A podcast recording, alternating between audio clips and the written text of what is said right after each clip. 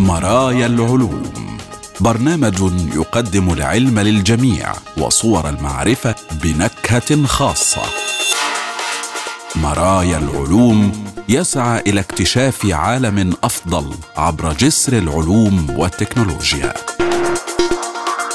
مرايا العلوم العلم كموضوعة رائجة نحو حياة أكثر فعالية واتساق أكبر مع الطبيعة.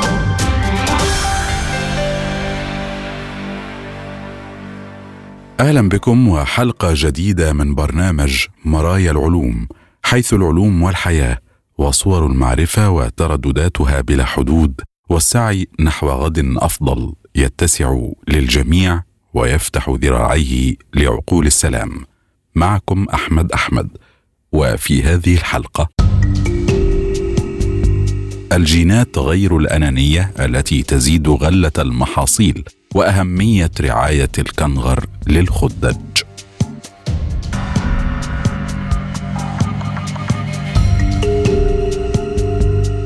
البداية نشرة العلوم.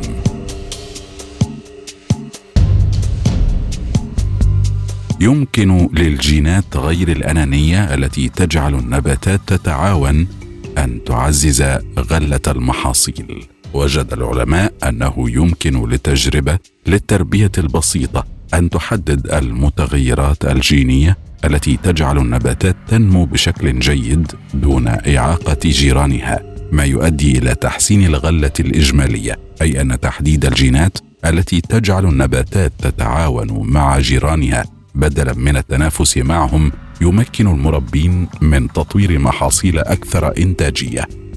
ويفضل الانتقاء الطبيعي عادة النباتات التي توصف بالأنانية التي تتغلب على خصومها في المنافسة على الضوء والفضاء والمغذيات لكن يمكن لمربي المحاصيل زيادة المحصول الكلي عن طريق اختيار نباتات ذات سمات مفيدة للنباتات القريبة مثل السيقان الأقصر والأوراق المنتشرة بشكل أقل والجذور المدمجة. وخلال الثورة الخضراء في الخمسينيات والستينيات من القرن الماضي طور المربون نباتات الحبوب القرمزية ذات السيقان القصيرة التي ضللت النباتات المجاورة بشكل أقل وتجنبت الانقلاب عليها ما أدى إلى تحسينات كبيرة في الغلة على عكس ما لوحظ منذ ذلك الحين. وقد يكون التحليل الجيني هو المفتاح لاكتشاف المزيد من هذه الصفات التعاونية التي من شأنها تعزيز برامج التكاثر. كما يقول العلماء فقد يتحقق تحسين الأداء الجماعي لمجموعات النباتات بسهولة نسبيا بمجرد أن نعرف كيفية تحديد السمات أو الجينات التعاونية. وقد ابتكر باحثون تجربة تربية بسيطة لتحديد مدى التعاون في التركيب الجيني للنبات. زرعوا عينات من الرشاد أو أرابيدوبسوس ثاليانا جنبا إلى جنب مع الجيران الذين كانوا متشابهين أو غير متشابهين وراثيا. وعادة يستخدم النبات المعروف باسم رشاد أذن الفأر في المختبرات كنموذج حي لفهم كيفية سيطرة الجينات على نمو وتطور الهياكل النباتية. ومن خلال مقارنة مدى جودة نمو كل نبات. جنبا إلى جنب مع نباتات متشابهة أو غير متشابهة يمكن للباحثين تحديد مجموعة الجينات التي عززت القدرة على النمو بسرعة وتنافسية أو القدرة على النمو بشكل تعاوني. واكتشف الباحثون جينا به متغيران حيث كان المتغير الأقل تكرارا أو الأقل هو المرتبط بشكل قوي بهذا التعاون. أنتجت النباتات التي تحتوي على هذا المتغير مجتمعة كتلة حيوية أكثر بنسبة 15% عند نموها في ظروف عالية الكثافة مقارنة بتلك التي تحمل النسخة الأخرى من الجين.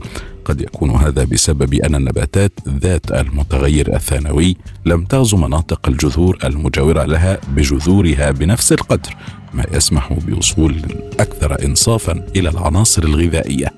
وقد تساعد التجارب المماثله مع نباتات المحاصيل المربين في العثور على الجينات التي تعزز التعاون وتحسن الغلات. ويقول العلماء إن الجمع بين التقنيات الجينية والتكاثر من أجل السمات التعاونية هو نهج واعد. وإذا كنا سنحقق اختراقا آخر مثل الثورة الخضراء فهذا هو الخط الذي ينبغي أن نسير فيه.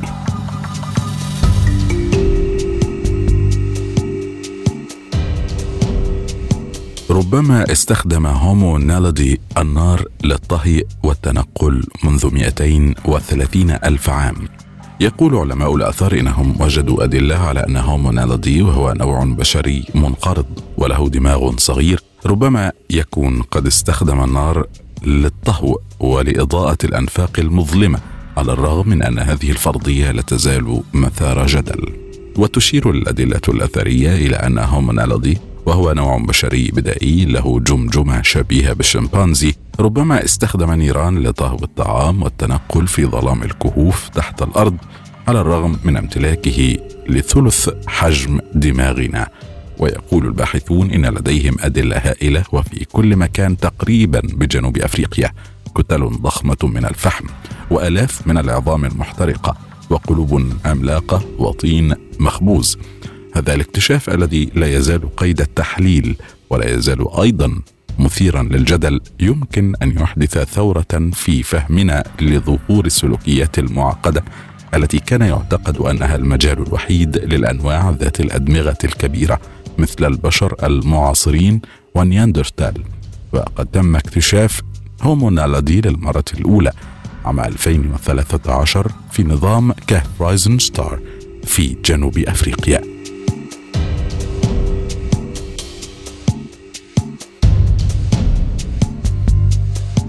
قد يكون للمريخ عمود ضخم من الصخور الساخنة يرتفع نحو سطحه.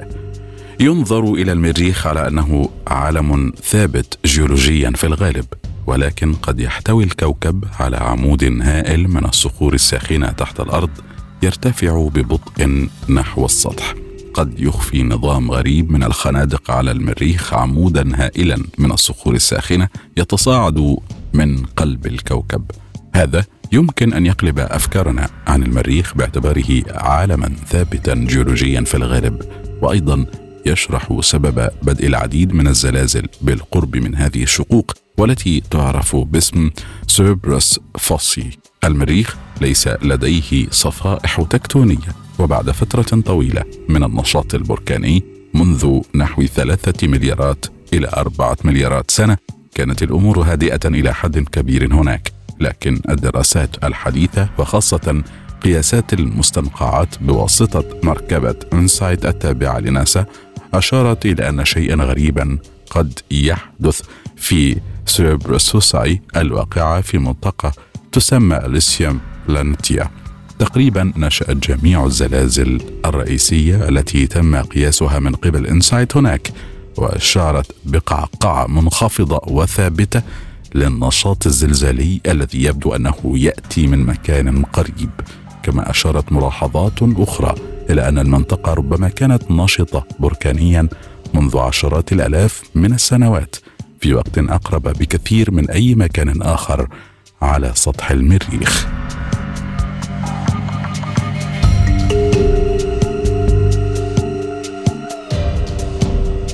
تظهر طيور بطريق أدلي علامات على الوعي الذاتي في اختبار المرآة.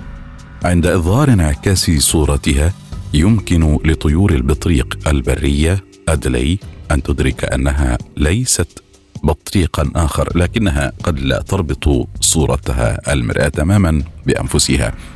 يبدو أن طيور البطريق أدلي قد اجتازت بالفعل جزءا من اختبار المرآة حيث يبدو أن الحيوانات التي ترى انعكاسها في المرآة حسب الاختبار العلمي الشهير تدرك أنها ترى نفسها وليس فردا آخر.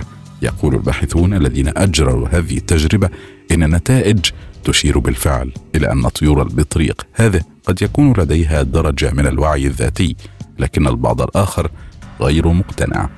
واختبار المرآة الذي تم تطويره في السبعينيات يبحث في قدرة الحيوانات على الإدراك البصري ولذواتهم. ويتضمن تقليديا تعليم منطقة من جسم الحيوان مثل الجبهة ومعرفة ما إذا كان هذا الحيوان يدرك فعليا كونها جزءا منه أم لا. وبطريق أدلي هو نوع من البطاريق شائع على طول ساحل القارة القطبية الجنوبية وهو المكان الوحيد الذي يوجد فيه وهو أكثر أنواع البطريق انتشارا وهو جنبا إلى جنب مع البطريق. الشهير بالإمبراطور أكثر أنواع البطريق انتشارا في الجنوب تحديدا. واكتشف هذا البطريق للمرة الأولى عام 1840 وتحصل طيور البطريق ديلي على طعامها عن طريق الافتراس والبحث عن الغذاء الذي يتكون بشكل رئيسي من أنواع محددة من الأسماك.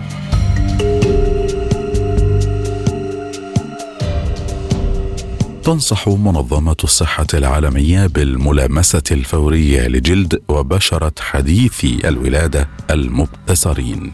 غيرت منظمة الصحة العالمية مؤخرا موقفها بشأن ما يسمى بطريقة رعاية الكنغر للأطفال حديثي الولادة المبتسرين أو الصغار الذين يعانون عدم الاستقرار سريريا وتوصي الآن بأن يكون لديهم هذا التلامس الجلدي قبل الوضع في الحضانات.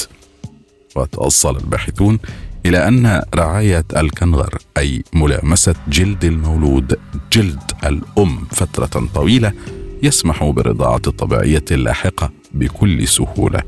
ووفق الإرشادات الصحية المحدثة يجب أن يكون الأطفال الخدج أو منخفضو الوزن عند الولادة والذين هم غير مستقرين سريريا. يجب أن يكونوا على اتصال مباشر من الجلد وهو الأسلوب المعروف باسم رعاية الكنغر وذلك قبل الحضانة. ويوضح المختصون أن هذه الإرشادات تنطبق على جميع الأطفال باستثناء الذين يحتاجون إلى تهوية ميكانيكية عبر التوصيل بأجهزة التنفس الاصطناعي.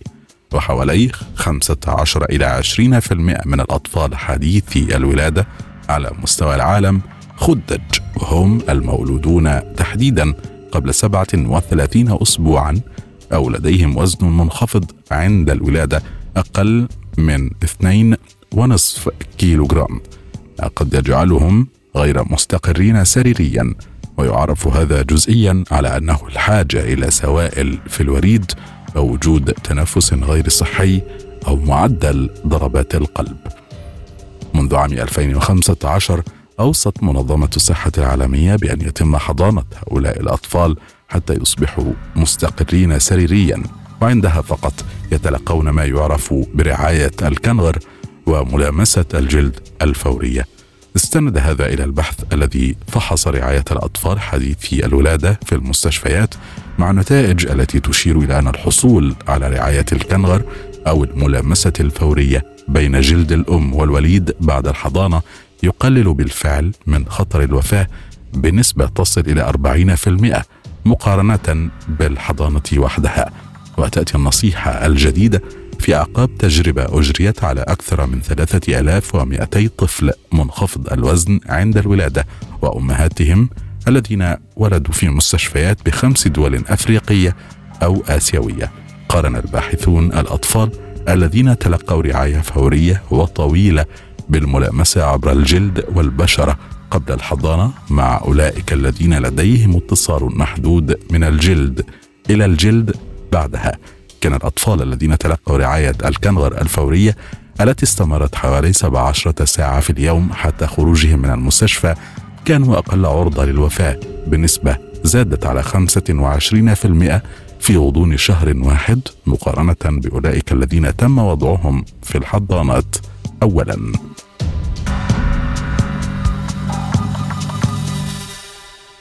والآن مستمعينا الكرام إلى فقرة جديدة في مرايا العلوم وهي في ضوء العلم.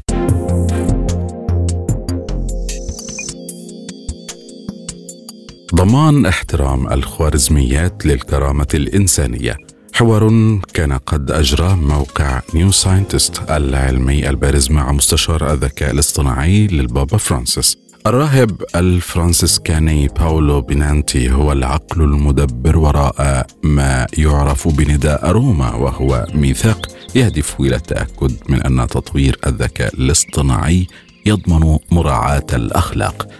وتحدث عن سبب أن تكون الأديان جزءا من تلك الحوارات.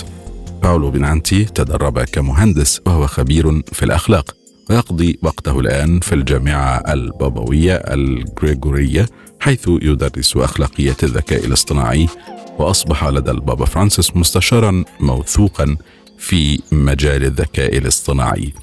يوضح بنانتي أنه قد أصبح هذا موضوعا مهما للبابا تحديدا لأنه يخشى أن يؤثر سلبا على أعضاء المجتمع الأكثر ضعفا. ويزيد من عدم المساواة الصارخ بالفعل في العالم. ولمحاربة ذلك ساعد بنانتي في صياغة نداء روما وهو التزام تم توقيعه في مارس آذار من عام 2020 من قبل شركات التكنولوجيا العالمية والكبرى مثل اي بي ام ومايكروسوفت بأن الكرامة الإنسانية ستكون دائما أولوية وضرورة مع نشر الذكاء الاصطناعي في جميع أرجاء العالم. ومع وجود نسخة موسعة من الاتفاقية قيد العمل الآن تحدثت نيو ساينتست مع بنانتي حول دور الأديان في السيطرة على التكنولوجيا وحول ما إذا كانت نهاية العالم محمولة على بطاقات الذكاء الاصطناعي وأيضا عما إذا كانت الخوارزمية يمكن أن تحل محل الإله يقول باولو بينانتي إنه رغم دراسته الهندسة في الجامعة ظل لديه فضول بشأن الطبيعة البشرية وقرر تغيير حياته إلى الرهبنة. يؤكد باولو أنه ما زال لديه فضول بشأن الطبيعة البشرية وماذا يعني أن تكون إنسانا. ظل يتطلع لفهم الواقع. يقول أدركت أن الهندسة طريقة جيدة لتقريب الواقع لكنني بدات في البحث عن شيء آخر. ويوضح باولو أنه في عام 2009 بدأ في الحصول على منحة لدرجة الدكتوراه لمدة سبع سنوات لدراسة التكنولوجيا والأخلاق. كانت الفكرة هي الجمع بين هذين العالمين. يقول عندما بدأت شعرت أن أكثر التطورات التكنولوجية الواعدة في العقد القادم أو نحو ذلك ستكون في مجال التكنولوجيا العصبية وتكنولوجيا نانو. لكن مع مرور الوقت شعرت بعمق أن الذكاء الاصطناعي سيكون الشيء الكبير التالي اذا هل يستطيع القادة الدينيون أو البابا فهم كل مرة يتم التحدث فيها عن التعلم الآلي أو الخوارزميات؟ يرد باولو على الأغلب لا لكن ما يفهمه البابا جيدا هو حالة البشر حول العالم إذا أخبرته أن مصير المهاجر أو طالب اللجوء سيحكم عليه من خلال آلة فقط فهو يفهم معنى ذلك إنه أكثر نشاطا من ناحيه القيمة في المناقشة على عكس التكنولوجيا والرياضيات المعقدة. باولو تحدث أيضا عن مخاوفه بشأن الكيفية التي سيشكل بها الذكاء الاصطناعي مستقبلنا. يقول ربما يعتقد البعض أنها ستكون مثل نهاية العالم في الأفلام، لكن في الواقع يجب أن نخاف من سيناريو آخر مرعب وهو نهاية الطبقة الوسطى. من الأسهل بكثير أن يكون لديك ذكاء اصطناعي يعمل كبديل للمحاسب مثلا مقارنة بعامل من ذوي الياقات الزرقاء كالسباك أو البناء هذا يعني أنه يمكن أن يكون لدينا مستقبل حيث سيكون لغالبية البشر وظائف منخفضة الأجر بينما تتولى الآلات الباقي. هذا التفاوت يمكن أن يكون خطيرا حقا. قد تؤدي الفجوة التي نشأت بين الفقراء والأغنياء إلى صراعات عامة وتحولات مجتمعية جذرية وتداعيات أخرى غير معروفة. وهل أنت قلق من أن المستقبل سيأتي؟ يقول باولو هناك معارضه جماهيرية كبيرة لهذه الفكرة. على سبيل المثال في عام 2021 وضعت منظمة الأمم المتحدة للتربية والعلوم والثقافة اليونسكو توصيتها بشأن أخلاقيات الذكاء الاصطناعي التي وقعتها الدول الأعضاء فيها. يضمن ذلك وضع اللوائح لإنشاء ذكاء اصطناعي محوره الإنسان بحيث تفيد التقنيات الناشئة. السكان فإن عمل الهيئات الرئيسية على لوائح كهذه يجعلني واثقا قليلا من قدرتنا على التعامل مع التحدي بجدية. وماذا عن نداء روما وكيف أصبح؟ يوضح باولو لقد كنت مطلعا على الكثير من اللجان ليس فقط مع الحكومات أو الأكاديميين ولكن أيضا حيث كان شركاء التكنولوجيا حاضرين. بدأت مناقشات مع الكثير من الأشخاص في شركات مختلفة ومؤسسات معنية وقلت ألن يكون رائعا إذا تمكنا بشكل أكثر فعالية من تحقيق الرغبة المشتركة في حماية البشر من خلال دعوة دولية للعمل؟ بدأت في فتح قناة مع جهات الاتصال الخاصة بي في تلك المنطقة وكانت مؤسسات مثل اي بي ام ومايكروسوفت أول من شارك. قمنا بصياغة قائمة بالمبادئ التي حاولت وصف كيفية تطوير الذكاء الاصطناعي بطريقة مسؤولة وبطريقة تحترم البشر. كانت المبادئ هي الشفافية والشمول والمساءلة والحياد والموثوقية والأمن والخصوصية. ترتبط هذه الأفكار بكلمة جديدة استخدمها البابا عدة مرات وهي علم الأخلاق. منذ مئة عام كتب جون فليتشر مالتون عالم الرياضيات والقاضي والسياسي عن طاعة ما لا يمكن فرضه. هذه هي المعايير الأخلاقية غير المكتوبة التي نلتزم بها. مثلما حدث عندما كانت تايتانيك تغرق وحث الناس النساء والأطفال على ركوب القوارب اولا. لم يتم تدوين مثل هذه الأخلاق في أي مكان وليس من السهل تحويل هذه القواعد إلى خوارزميات. أحب أن أفكر في هذه الأخلاق غير المكتوبة باعتبارها صفة اللطف. وأعتقد أن الآلات يجب أن تتمتع بهذه الجودة. لهذا السبب من خلال نداء روما نحاول تشجيع الشركات على تشكيل الخوارزميات لتكون لطيفة في العلاقة بين الإنسان والآلة. تعود الأسئلة وما رأي البابا في نداء روما؟ كان ذلك شيئا كبيرا حقا ولكونه ميسرا للحكومات والشركات والمؤسسات الدولية الأخرى. التوصل لاتفاق بشأن الحدود الأخلاقية للذكاء الاصطناعي. بالنسبة له من الأهمية ألا يؤذي ذلك جيل الشباب أو كبار السن لا سيما في أعقاب وباء كورونا الذي انتشرت فيه أهمية حياتنا الرقمية. وكيف يمكننا معرفة ما إذا كان يعمل هذا النداء أو ما يشابهه؟ يوضح باولو يجب أن أقول شيء ما يعمل. تذكر أن النداء. روما هو مجرد دعوة للعمل. هذا يعني أن كل من يقول إنه مهم يكون مسؤولا أمام نفسه لجعله قابلا للتطبيق. كانت هذه لحظة ثقافية وكانت لحظة اجتمع فيها الأشخاص الذين لديهم نفس الحساسية حول مدى خطورة الذكاء الاصطناعي إذا لم يتماشى والقيم الإنسانية. بدأت الجامعات التي وقعت على نداء روما في تدريس أخلاقيات الذكاء الاصطناعي في برامجها الهندسية. كما بدأت المؤسسات الصحفية في تشكيل نفسها لجعل نداء فعالا. وتعمل شركات التكنولوجيا على تطوير العمليات التي تجعل علم الأخلاقيات فعالا جدا في عمليات الإنتاج الخاصة بهم. لدينا احاديث ضخمة مجدولة مع العديد من كبار الموقعين حول كيفية إدراج علم الأخلاقيات في الكثير من عمليات إنتاج البرمجيات الجديدة مدى سرعة وفعالية ذلك يعتمد على عدد المشاركين. وهل يمكننا حقا أن نتوقع من الشركات أن تهتم بالأخلاق أكثر من الربح؟ يوضح لا يمكننا أن نطلب من الشركات عدم التفكير في الأعمال التجارية. لكن رأيت في السنوات الماضية أنهم ببطء وببطء كبير بدأوا يفكرون في هدفهم. بعضها يسمح للموظفين بالقيام بمشاريع ذات أغراض اجتماعية. أعرف بعضا ممن يسمحون باستخدام نحو 15% من ساعات عمل الموظفين في هذا النوع من الأشياء مثل الأدوات الرقمية للتعرف على التنمر عبر الإنترنت أو صور الأطفال المعتدى عليهم في المواد الإباحية. تنتقل الشركات تدريجيا من كونها مساهمين إلى آخرين. من وجهة نظري هي علامة جيدة.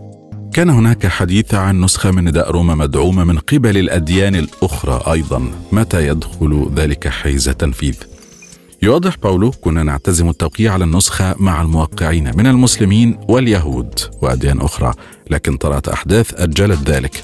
يؤكد باولو بنانتي أن الاتفاق جاهز ويقول نحتاج الآن إلى إيجاد تاريخ عملي للتوقيع. الأمر ليس بالسهل بوجود ثلاث ديانات مختلفة ولكل فرد تقويمه الخاص. سؤال آخر. الحكومات تكافح من أجل تنظيم التكنولوجيا. هل المؤسسات الدينية لديها فرصة أفضل؟ يرد باولو ينتمي غالبية الناس في العالم إلى الديانات التوحيدية. لذا فإن المنظور الديني قوي. دور المنظومات والمنظمات الدينية هو المساعده في توجيه الحكومات. تجمع الأديان الحكمة الإنسانية والقيم الخالدة. والتي إذا تمت مشاركتها في بيئة غير دينية يمكن أن تسهل الحوار والوعي الاجتماعي. هذا ما يحاول نداء روما فعله لجذب الرأي العام بأن التكنولوجيا يجب أن تستخدم اخلاقيا. سؤال صعب. كيف يمكن استخدام الذكاء الاصطناعي من أجل الخير؟ يقول باولو يبحث بعض طلاب الدكتوراه لدي في هذا الأمر الآن. ويبحثون أيضا في كيفية تحويل الرعايه الصحية من خلال الثورة الرقمية للمساعدة في علاج الأمراض.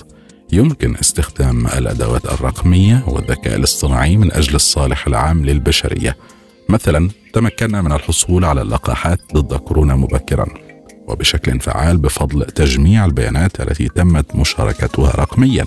وبالفعل تمكنت خوارزميات قوية من التوصل إلى إجابات ليست بالقليلة.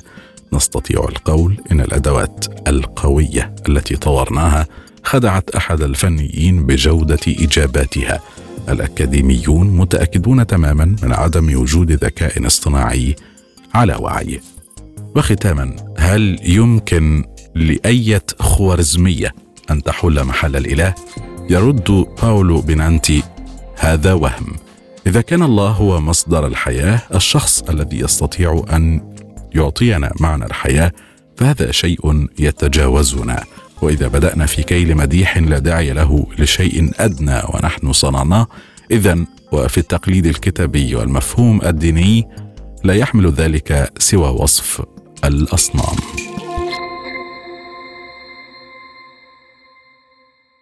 والآن ننتقل إلى الثقب الذهبي حيث نستعيد خلاله سير العظماء وحياة الأفكار الكبرى. وفيه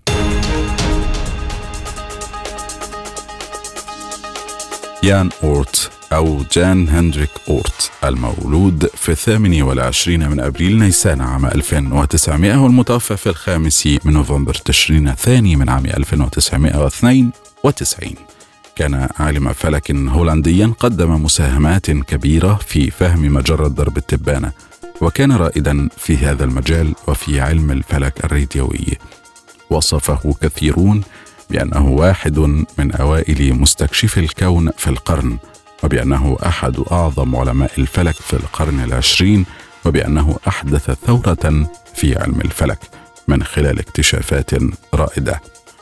أثبت أورت أن ضرب التبانة تدور وقلب فكرة أن الشمس كانت في مركزها كما افترض وجود المادة المظلمة الغامضة غير المرئية في عام 1932 والتي يعتقد أنها تشكل ما يقرب من 85%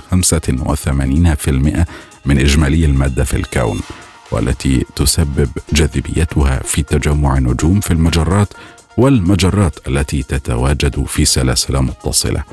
اكتشف يان أورت الهالة المجرية وهي مجموعة من النجوم التي تدور حول درب التبانة ولكن خارج القرص الرئيسي بالإضافة إلى ذلك فإن أورت مسؤول عن عدد من الأفكار المهمة حول المذنبات بما في ذلك إدراك أن مداراتها تشير إلى وجود نظام شمسي أكبر بكثير من المنطقة التي تشغلها الكواكب.